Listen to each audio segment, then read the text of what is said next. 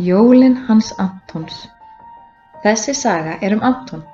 Hann er lítill jólaálfur sem vildi halda sín eigin jól án fjölskyldunar af því að hann vildi ekki deila með öðrum. Hann vildi ekki deila hrísgrunagrautnum, ekki jólatrínu og ekki jólagjöfunum. En heldur þú að það hafi verið góð hugmynd hjá Antoni?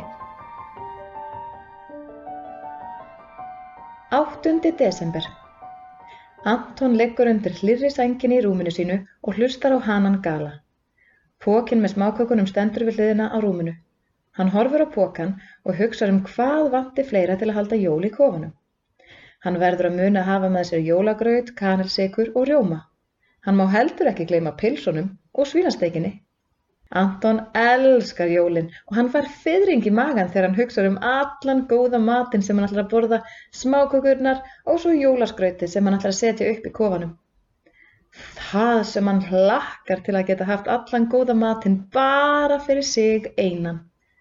Hann stekkur fram úr rúminu og opnar pókan.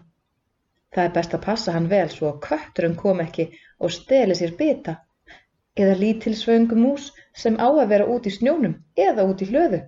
Anton, kallar mamma, ætlar ekki að koma að borða havragrautin? Jú, ég er alveg að koma, svarar Anton. Hann setur á sig rauðu húfuna og stekkur svo niður stegan til mömmu sem býður með heitan graut í skál.